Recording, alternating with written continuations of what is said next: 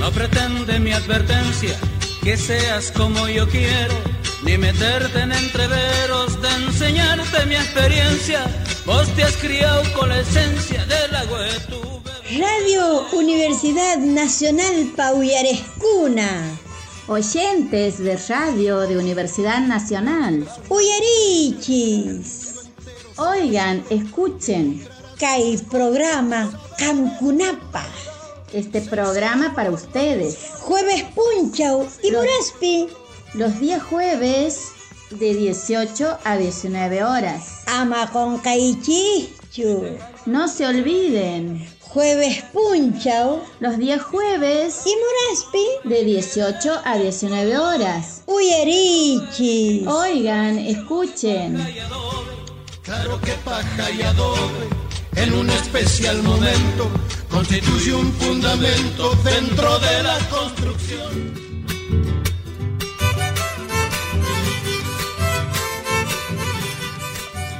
Ajichisi. Imagínate anquichis, munascas uyareskuna. Buenas tardes, ¿cómo están queridos oyentes? Sutikukan, nuestros nombres son Pai, ella, Elsa Trejo, Noja, Casilda Chazarreta. Y estamos otra vez desde la radio 92.9 de Universidad de Santiago del Estero, comenzando un nuevo programa titulado Uyarichis. Oigan, escuchen, Jueves Punchau. los días jueves de 18 a 19 horas. Imagina purinquichis yanasus uyareskuna de Uyarichis. Oigan, escuchen, desde esta Munasca FM, Radio Universidad de Santiago del Estero, donde, desde donde cada, cada jueves llegamos hasta ustedes, Zapazú, una cama, hasta cada uno de ustedes. Y Pisorcoaish, Can Luisito Herrera. Y quien nos saca al aire es Luisito Herrera. Que estos días, el día del operador, ¿no? Así que también saludamos, renovamos el saludo por este, el día de los operadores. Eh, nosotros los quichuistas saludamos y decimos Umanmanta Chaquincama, de la cabeza a los pies. Y eso queremos hacer con Elsa Trejo, mi compañerita Anunita, y saludar a esta radio que nos, que nos permite estar Cuscayas con ustedes cada jueves.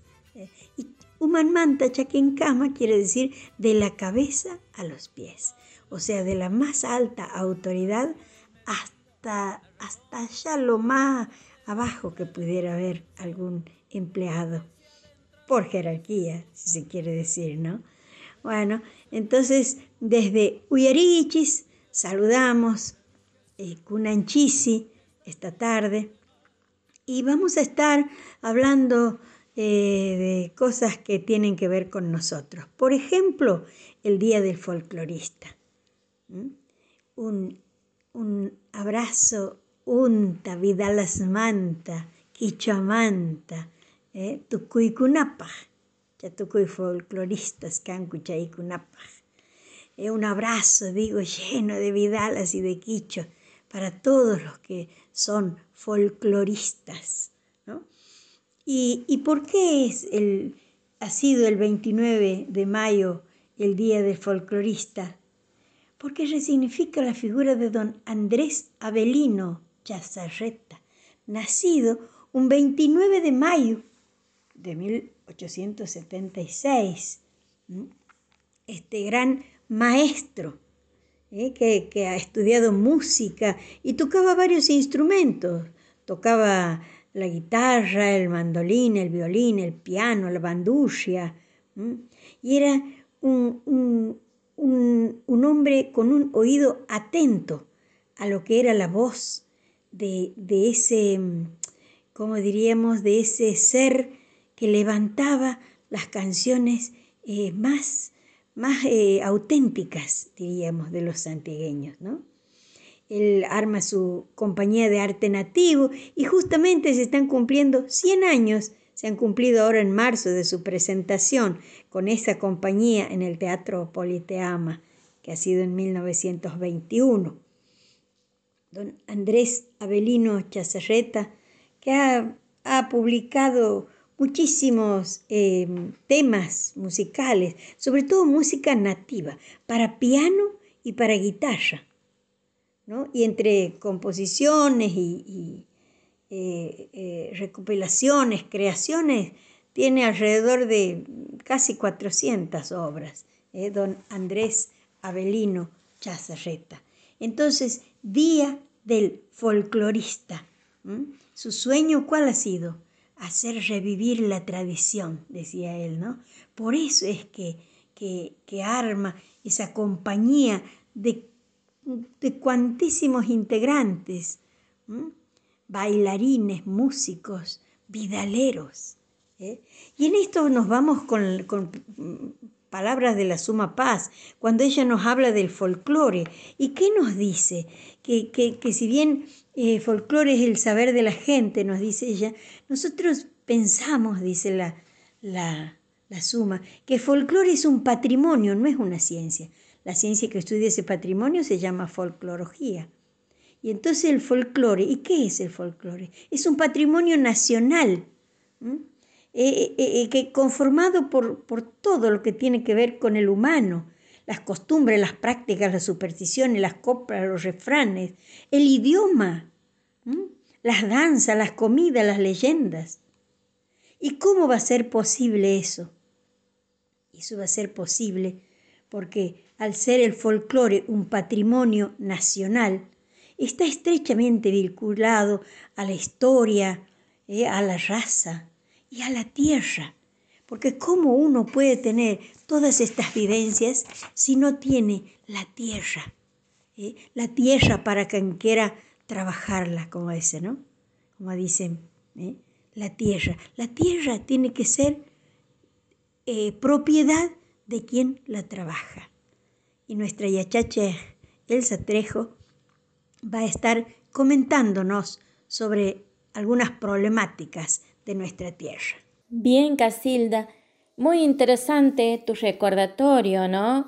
Por la efeméride del Día del Folclore. En este caso voy a traer una temática ligada a lo local, ¿no? Para referirme en el editorial de la fecha, ¿no? Y voy a ocuparme de una temática muy sentida a las comunidades bilingües quichuistas, las que se encuentran en peligro por amenazas reales y concretas, no simbólicas, sino reales y concretas.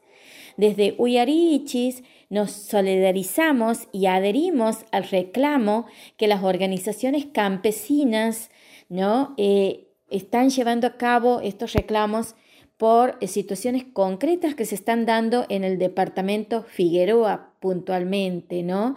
Conflictos que están padeciendo los campesinos, los habitantes de las pequeñas comunidades del lugar. Eh, eh, estos conflictos han devenido por el avance de la frontera agropecuaria que atropella a pobladores y arrasa con el monte y sus frutos y toda su rica ecología en flora y fauna sumamente valiosa y que conocemos y es lo autóctono de nuestro monte, el patrimonio que tenemos.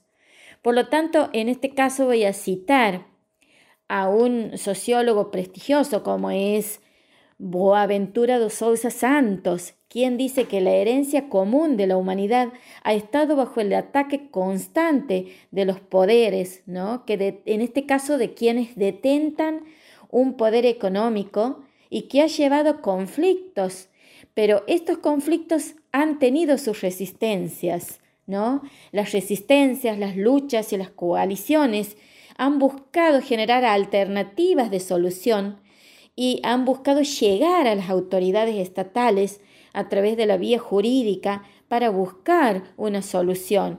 No olvidemos que las lenguas en el mundo van desapareciendo a medida que los sujetos hablantes son despojados de sus culturas, de su patrimonio, del lugar en donde habitan, ¿no? Dejan de habitar sus tierras y en muchos casos deben migrar forzosamente a las grandes ciudades en donde predomina la cultura hegemónica y en donde eh, sus prácticas ancestrales dejan de tener sentido o tal vez van a estar presentes pero se tienen que enfrentar a situaciones dificultosas, ¿no? No solo para ellos, sino también para las nuevas generaciones, ¿no? Que pertenecen a sus grupos familiares. Por eso eh, resaltamos nuestra adhesión, ¿no? A la lucha que emprende el MOCASE, en, en, este caso en el departamento Figueroa. Pero no olvidemos que a lo largo de la provincia siempre ha habido focos ¿no? de resistencia ante eh, el avance de empresarios inescrupulosos que buscan eh, con voracidad conseguir mayores ganancias en desmedro de la vida de los campesinos poseedores ancestrales de sus tierras. Un saludo muy sentido entonces para todos ellos. Y ahora nos vamos a un corte para escuchar un tema musical y más tarde volvemos otra vez al 92.9 del dial por Radio Universidad Nacional de Santiago del Estero.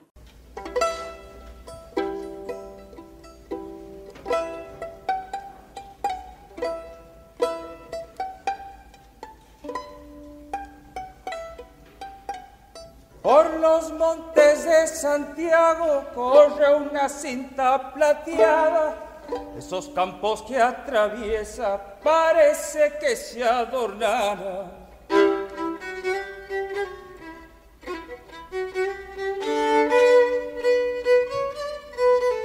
Con su aroma, con sus flores, la selva ofrece pagarle, añurita y misquimayo,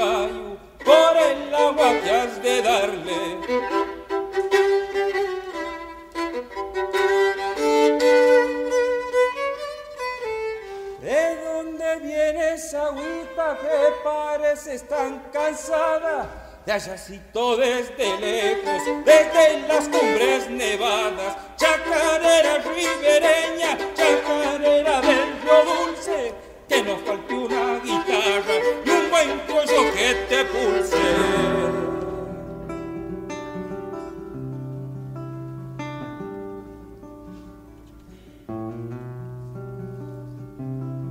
Acuchis, Quichua Pirimaj, Niay, Canta Misuni, Machu Mayu, Maimanta, Xoxinki, Niay Kamashkata Yachaku, Imata Karanki, Shashiskapi.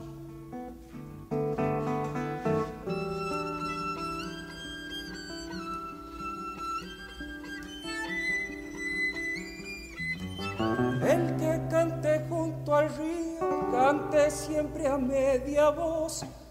Así cantan los zorzales, será porque así es mejor.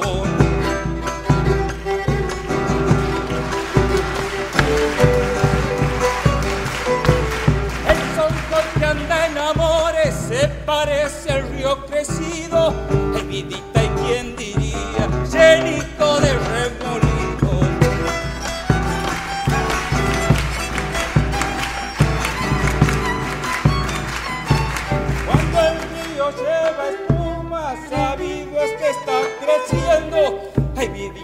quien pudiera saber si me andas queriendo. Chacarera ribereña, chacarera del dulce, que no falta una guitarra, un buen rollo que te pulse.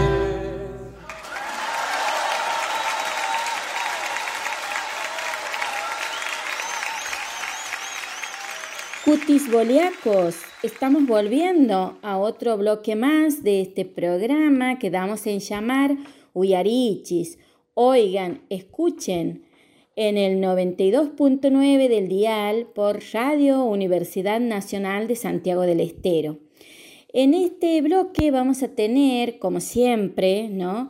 En, en esta ocasión no es una entrevista, sino es el testimonio que va a brindar el señor Roger Almaraz, integrante del MOCASE, una organización ¿no? que es el eh, Movimiento Campesino de Santiago del Estero, ¿no? que este, en estos momentos está interviniendo de manera constante y de manera eh, con una fuerte presencia en la localidad de Pozo del Castaño, departamento Figueroa, en donde han sucedido hechos de amenaza hacia los pobladores, hacia los campesinos, poseedores de tierras, por parte de eh, un miembro del empresariado agroganadero ¿no? y eh, determinadas personas que representan a, esta, a este hombre y eh, están en constante persecución y amenazas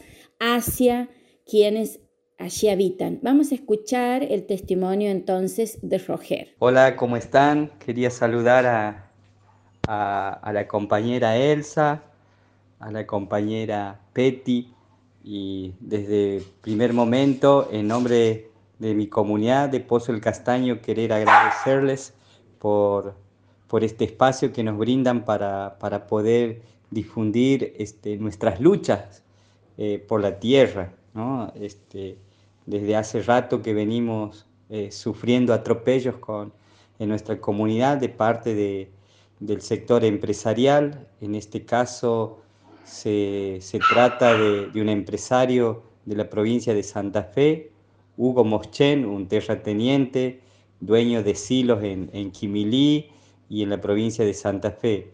El conflicto se inicia a, mediados del año 2010 más o menos hasta la fecha, que hoy estamos en instancias judiciales y no hace mucho tiempo, eh, bueno, hace unos días hemos sufrido un atropello de mucha violencia a través de un sicario contratado por, el empresario que está instalado en, la comunidad. Eh, bueno, eh, eh, el hecho ha sido muy grave para nosotros porque irrumpe nuestra paz. Este, hace unos días el compañero Cristian, con, Mauro, son primos, ellos han ido a ver sus animales en el monte, a, bueno, a verlos, a cuidarlos y, ahí en el camino se le intercepta el Carlos Cuba, es un paraguayo que es un sicario a sueldo, así lo denominamos nosotros, por, por todas las actitudes que, que, viene teniendo en la comunidad y, y bueno, fue a amenazarlo a, a, los compañeros con armas de fuego.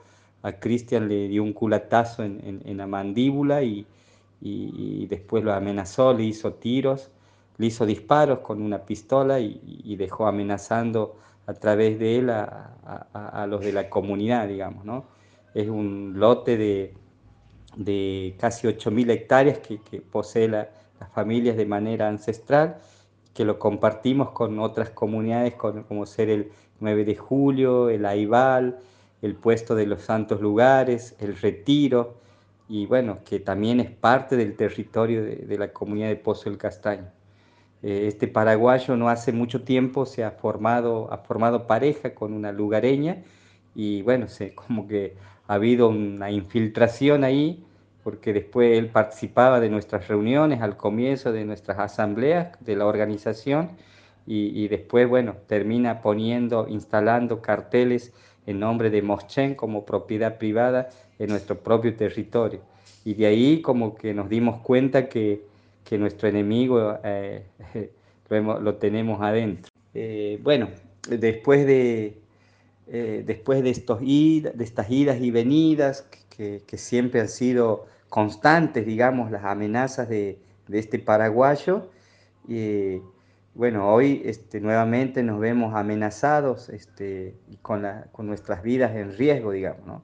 Y más o menos en, este lugar eh, las familias viven de lo que producen, criando vacas, cabras, eh, bueno, animales de granja como gallina, patos, pavos y, todo lo que hace a la economía a la economía popular, digamos, de, nuestras familias. Es, la idiosincrasia campesina nuestra y, bueno, y ahora nos vemos amenazados. Este, eh, en tiempos de pandemia el, paraguayo se ha instalado en un lote, en una parte del lote, haciendo un alambrado y, edificando una casa.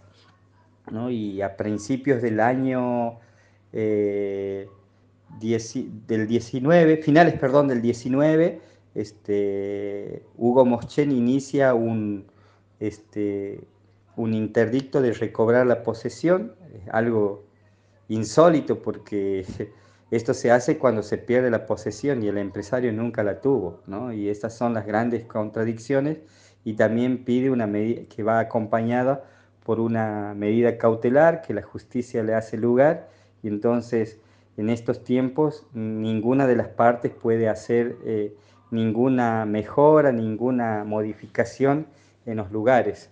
Y esto para nosotros es inevitable porque se vive en el lugar y no podés estar quieto, porque la gente inevitablemente trabaja en la zona, en el lugar, en el territorio y, no puede no dejar de hacer cosas para, para, la subsistencia. Sin embargo, el empleado de Moschen construyó una casa y se da el lujo con total impunidad de amenazar a, a, nuestros compañeros.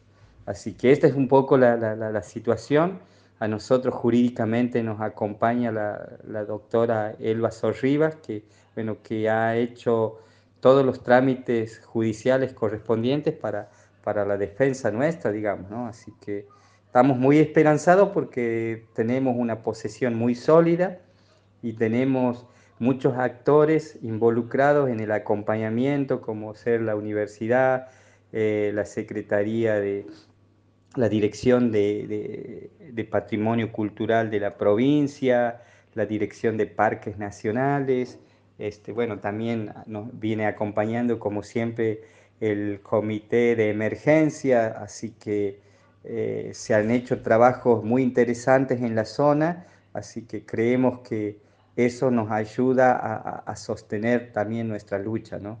Así que bueno, desde ya muy agradecido compañeras este, por el espacio que nos posibilitan para que podamos difundir lo que, lo que nos pasa en el monte. ¿no? El Pozo del Castaño es una comunidad que está ubicada al norte entre los departamentos Figueroa y Moreno, y ahí nomás está Alberdi, somos eh, base del MOCASE, nuestra organización, nosotros somos parte de la, de la Unión de Pequeños Productores del Salado Norte, más conocida como la UPSAN. Así que ahí andamos andando, con mucha lucha, con muchas dificultades, pero también con, con muchas esperanzas por lo que vamos construyendo despacito.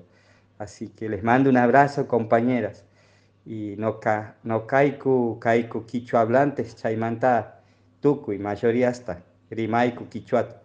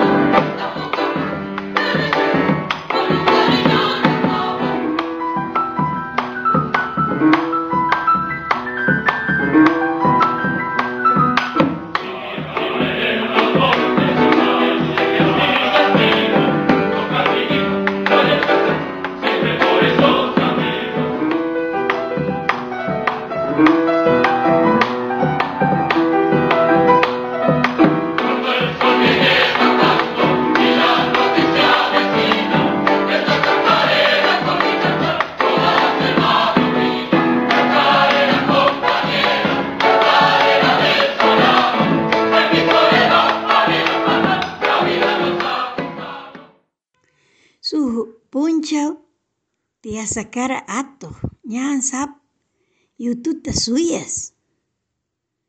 Yuyus uku pakakus. Ratumanta amushkasqanta uyarisqa. Pensas kutisqa. Mikunqachus o mana.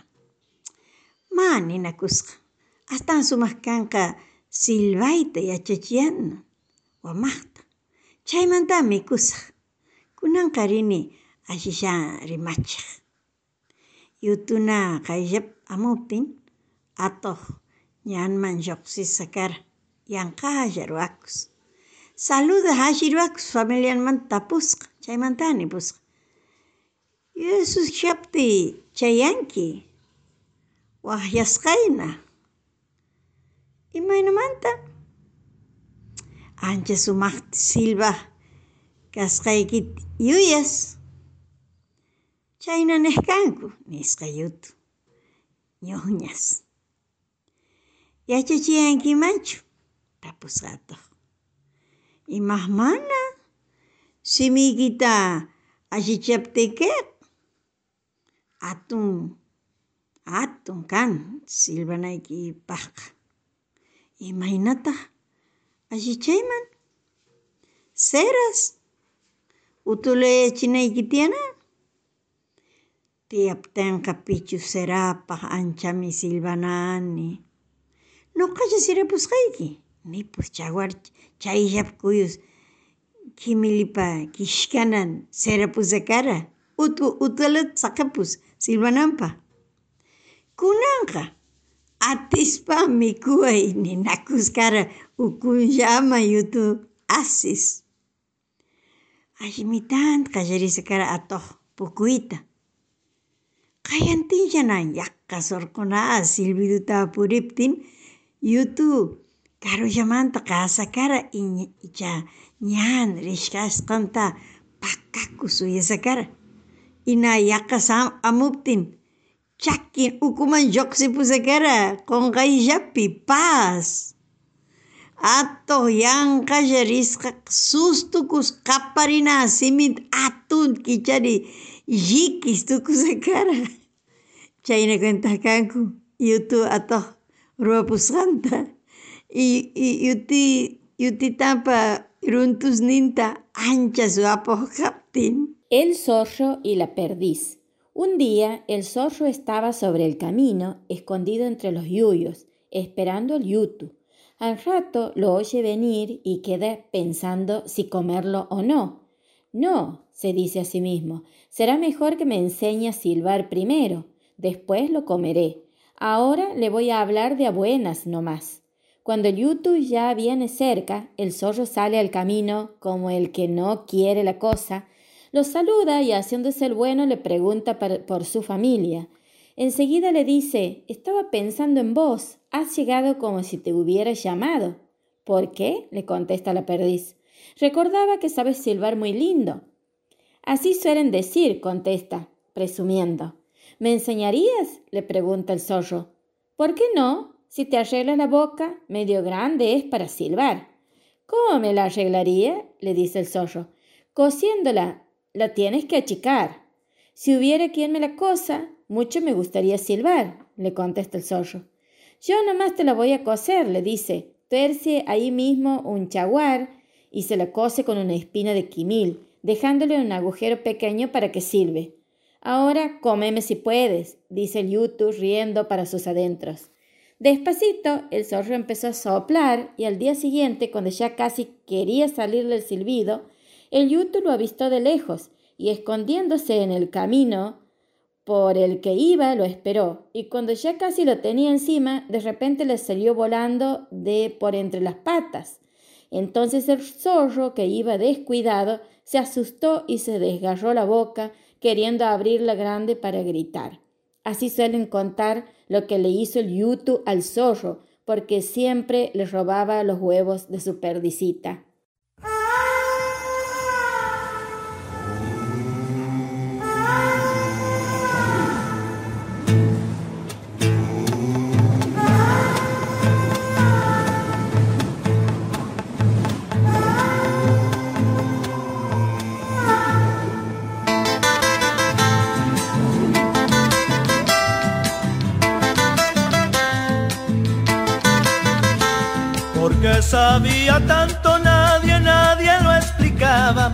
Hablaba de la muerte cual si de ella se burlara.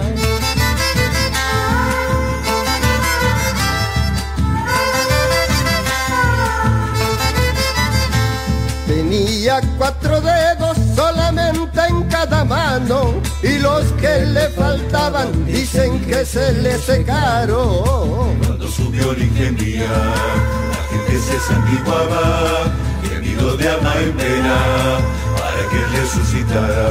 Daba la guitarra, los ojos se le agrandaban, las uñas garras brillantes que parecían de plata. Se perdió aquella tarde, cinco días lo buscaron, ropa parada y sin cuerpo contra un árbol encontraron.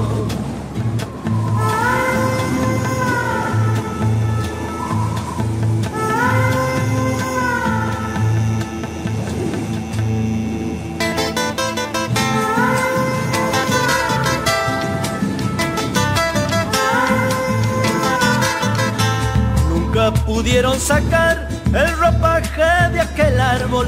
El viento cambia de rumbo si es que va por esos lados. Aquel árbol se secaba y sus hojas no caían, a dolor y amarronadas, arriba se mantenía. Florecía con flores negras y vainas de mal aspecto. ¿Cómo puede aún dar frutos un árbol estando muerto? Donde sangrientas, putrefacción evidente, sucia lluvia de ramaje, la tierra estaba caliente. Pozo de cenizas negras de aquel árbol solo quedan. Dicen que dicen algunos porque al pozo nadie llega. Dicen que dicen algunos que la ropa aún camina. Dicen que dicen no más porque nadie se le arrima.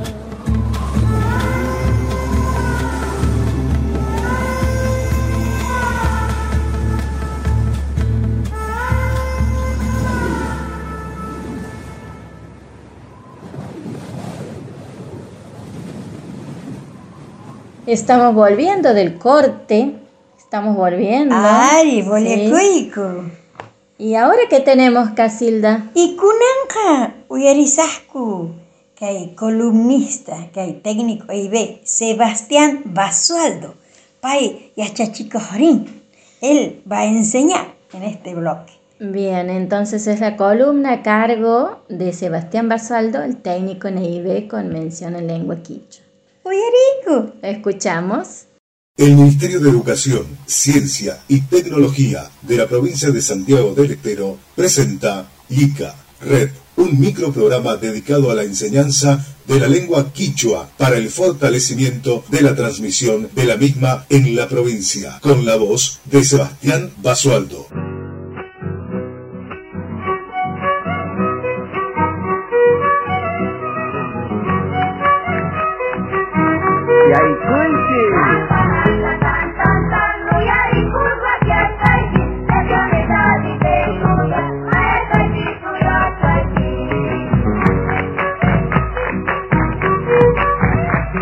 Imayna tinkunakuchkayku kay radiopi. ¿Cómo están niños? Otra vez nos volvemos a encontrar en esta radio. Muy bien, como ya es costumbre el saludo, y ya es costumbre también encontrarnos, estamos nuevamente aquí con un nuevo programa, microprograma de Yika, aprendiendo nociones básicas de Quichua a través de esta red. Para esta oportunidad yo les he traído algunas palabritas para que podamos sumar a, esa, a esas otras palabras que, venimos aprendiendo, o modos de habla, oraciones, eh, todo eso que nos va a servir para comunicarnos. Vamos a un, un pequeño cortecito y una cortinita que identifica el programa y volvemos.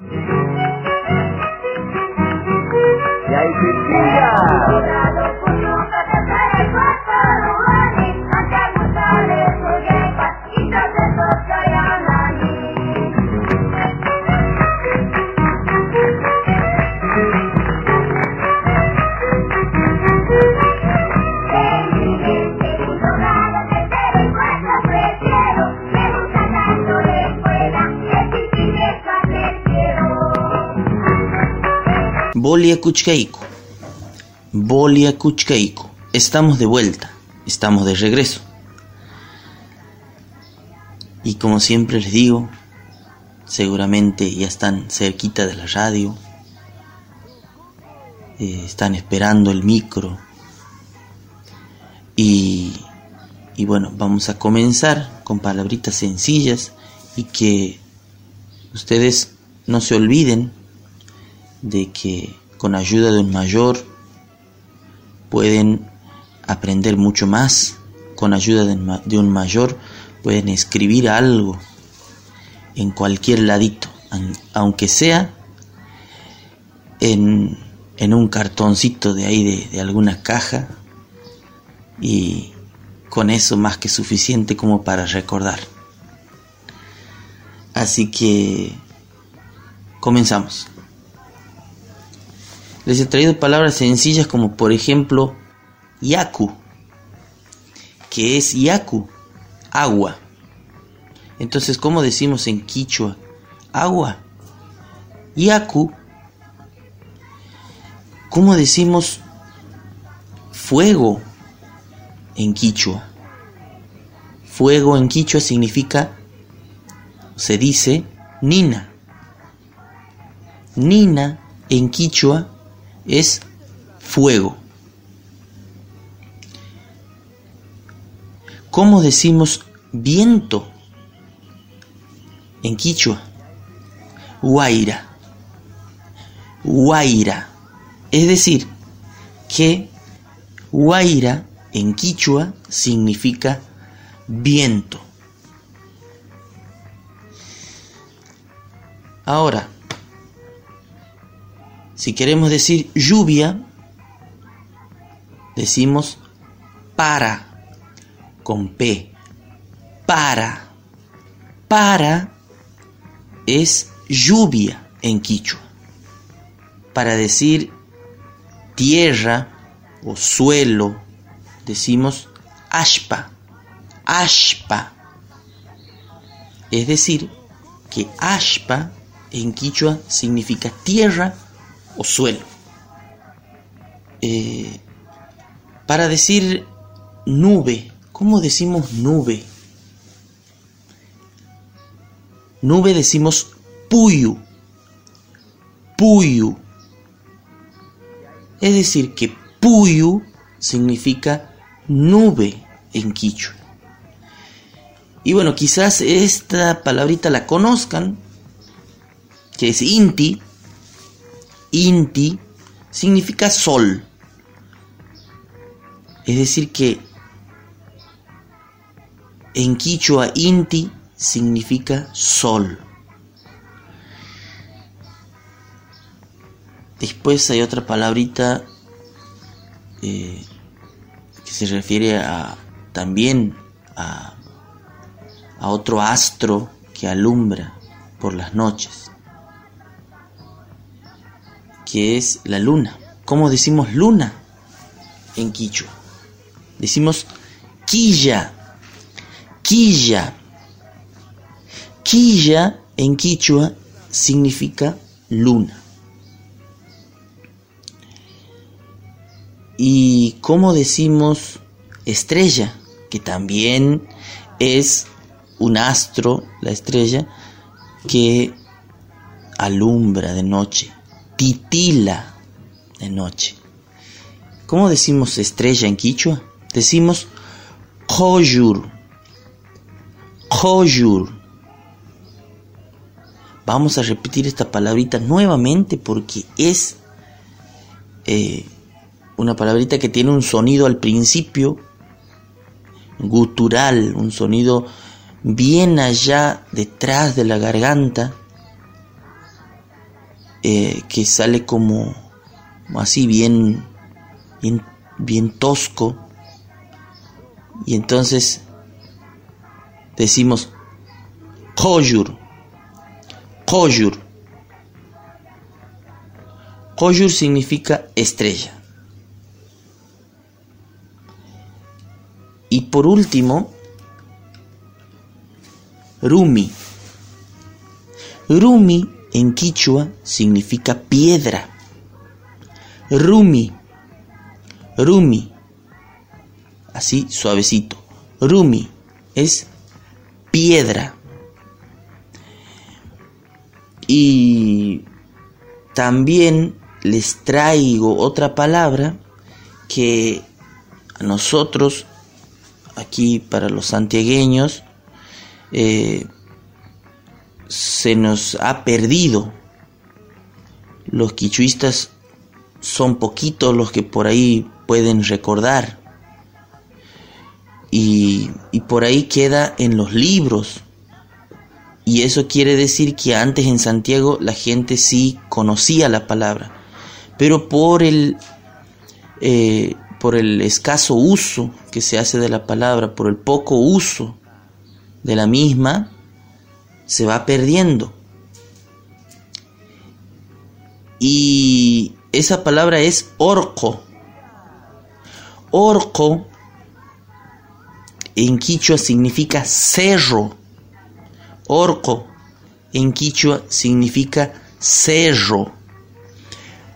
Pero para nosotros, para el quichua santiagueño, esa palabra está en, en desuso. Quizás por ahí, por, porque gran parte del suelo de la provincia es este llanura, monte y, eh, y quizás por esa, por esas razones que se pierde. Y para las zonas donde hay serranía, como puede ser en, en, el departamento Guasayán, para el sur también en la, en la zona de Quebrachos, Ojo de Agua, son zonas de serranía, pero eh, no son no son localidades, no son pueblos que tengan un alto porcentaje de quichua hablantes. ¿Esto qué quiere decir? Que se habla poco el quichua en esa zona, casi nada, y entonces, por ende, la palabra también se pierde, porque no hay quien la diga. Aparte de eso, nosotros en quichua utilizamos la, la, misma palabra, una palabra igual, que es orco también, pero para referirnos a macho. Por ejemplo, eh, cuchi orco, chancho macho. Es así, esa palabra, esa expresión, la tenemos la conservamos. ¿Por qué? Porque la usamos. Las palabras eh, se mantienen en el tiempo, se conservan por el uso que uno les da. Entonces, la idea que yo tengo es que también puedan ustedes aprender una palabrita que está cayendo en desuso o ha caído en desuso, pero que también es quicho. Con esto vamos a una pequeña cortina musical y volvemos con el repaso y saludo final.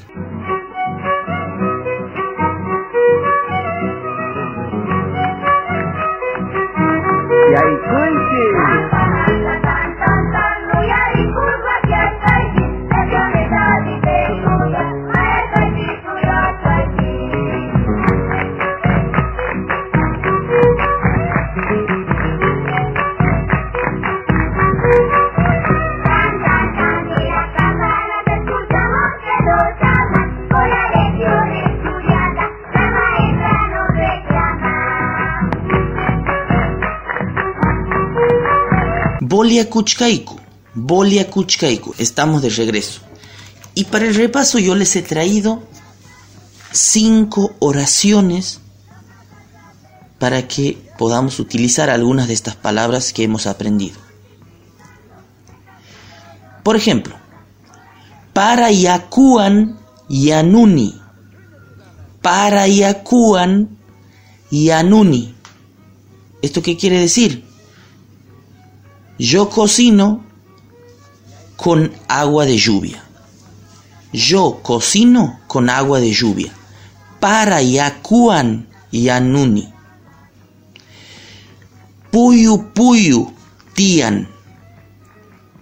Puyu puyu tian. ¿Esto qué quiere decir? Que el clima, que el tiempo, que el día está nublado. Porque puyu es nube.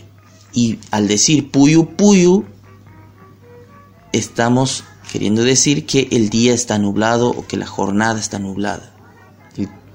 El, el clima. Ahí vamos con la tercera. Huayra Pukun, Punchau Chiri. Huayra Pukun, Punchau Chiri. ¿Esto qué quiere decir? Sopla el viento y el día frío. Sopla el viento y el día frío. Huayra Pukun, Punchau Chiri. Y aquí vamos con otra oración que no es muy sencilla porque a veces no se dice este, una expresión así, pero eh, es aceptable. ¿Por qué? Porque explica algo. Y es, por ejemplo, Quilla Coyurta, Quilla Coyurta, Inti Canchachikun. Quilla Coyurta, Inti Canchachikun. El sol alumbra a la estrella y a la luna. El sol alumbra a la estrella y a la luna. Vamos con la última. Ashpasinchi Rumi Ina. Ashpasinchi Rumi Ina. La tierra dura como piedra. La tierra dura como piedra. Ashpa sinchi rumi ina. Ashpa tierra, sinchi que es duro, rumi que es piedra. Por último, les traigo un comentario con, lo que, con, la, con la palabra orgo que hemos aprendido, que significa cerro. También. Uritu orco. Uritu orco es un cerro en Córdoba que significa cerro del lorito. Orco es cerro y Uritu, ese sí lo deben conocer, es lorito. Y esto nos da la idea, nos corrobora de que la palabra orco como cerro también ha existido. Por eso sobrevive en la toponimia. ¿Qué es la toponimia? Los nombres de lugares que quedan. Debe haber muchísimos que ustedes conocen ahí en sus localidades. Entonces, a eso se refiere. Y con esto nos estamos despidiendo hasta el próximo programa y decimos, como lo decimos en todos los micros, Tinkunakuichiskama Kachu. Hasta el próximo encuentro.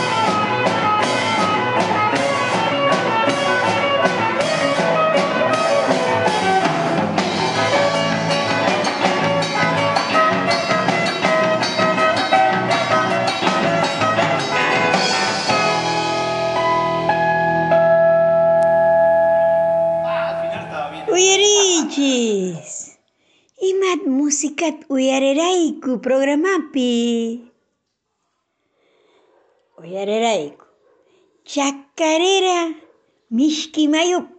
Chacarera del Río Dulce. Por Pablo Farat. Natah Chacarera Cachimayup. Chacarera del Río Salado por el Coro de Niños y Jóvenes de la Universidad Nacional Córdoba Manta. Natajuyareraiku Sacha Guitarras Atamishqueñasta. También las escuchamos a las Sacha Guitarras Atamisqueñas, las guitarras del monte. Huaños taco, finao árbol. Huaños, finao y taco, árbol, algarrobo nata, yaku chiri. Yaku agua, chiri fría. Ancha summa, mamá.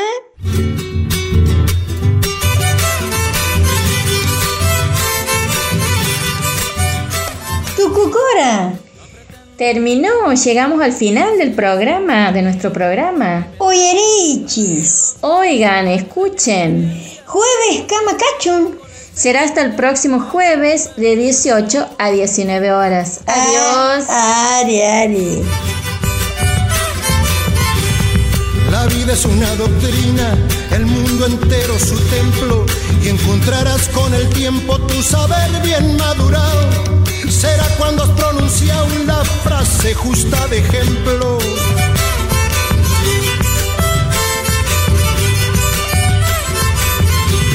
Dejar un rastro en la vida son pretensiones del hombre, si no ha logrado que su nombre quede en el tiempo grabado, de paja y adobe.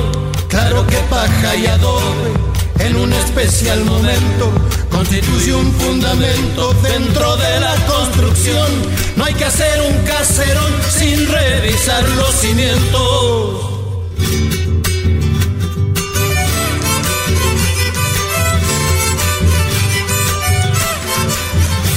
Hay que hacer bordado prolijo en el mantel de la vida, pero no para la estiva y después tenerlo guardado. A mantel almidonado prefiero aquel con comida.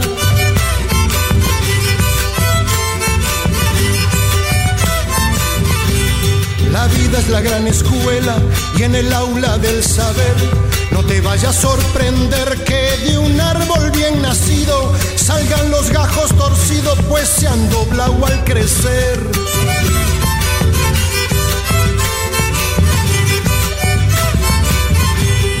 Vale la ostentación, la arrogancia desmedida, la razón bien entendida del hombre mejor pensado. Es después que se ha adentrado recién buscar la salida. Tener paz es relativo, a pesar de otros criterios. No le busques el remedio porque es terrible este mal. No hallarás la paz total ni en la paz del cementerio.